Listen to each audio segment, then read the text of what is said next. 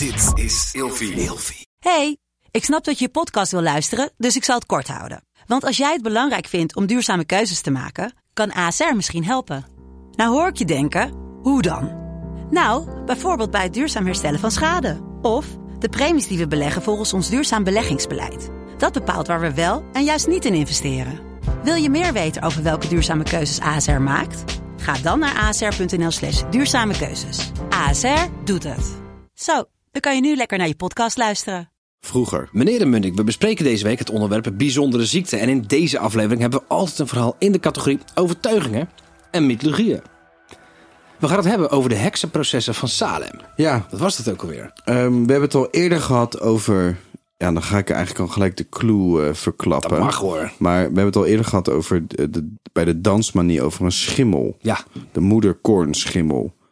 Nou, waarschijnlijk heeft in Salem zijn er mensen besmet geraakt met die schimmel. Alleen mensen zijn onwetend en kunnen dus ja, er geen verklaring aan achterleggen. maar wat is Salem? De Salem is een, is een dorpje in, in Amerika. Oh ja, dat moet je net even Ja. weten.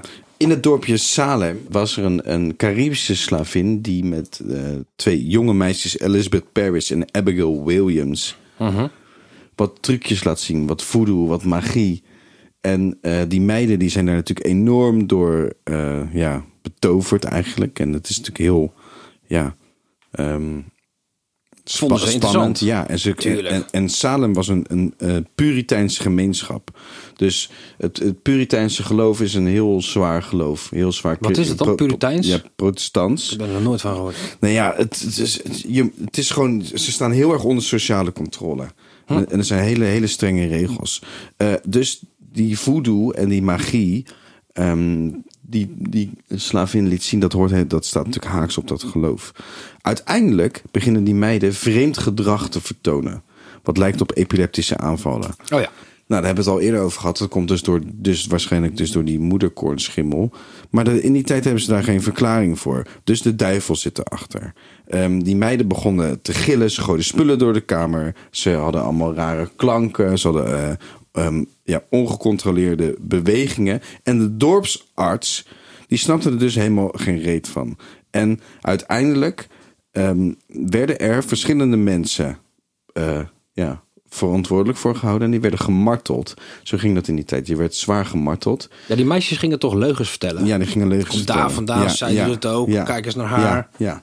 En En vervolgens, gingen ze gewoon... eh, en vervolgens werden dus al, al die mensen opgepakt. En die werden dood, sommigen zelfs doodgemarteld.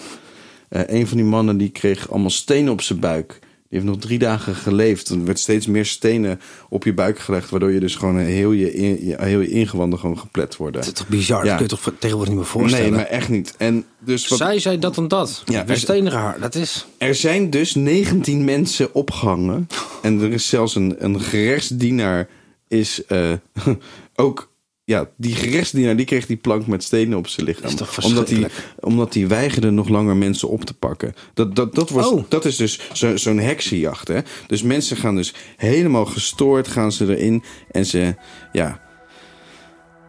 Het, het, we, we weten nu dat het gewoon door een schimmel komt. Maar toen waren het de heksenprocessen van Salem.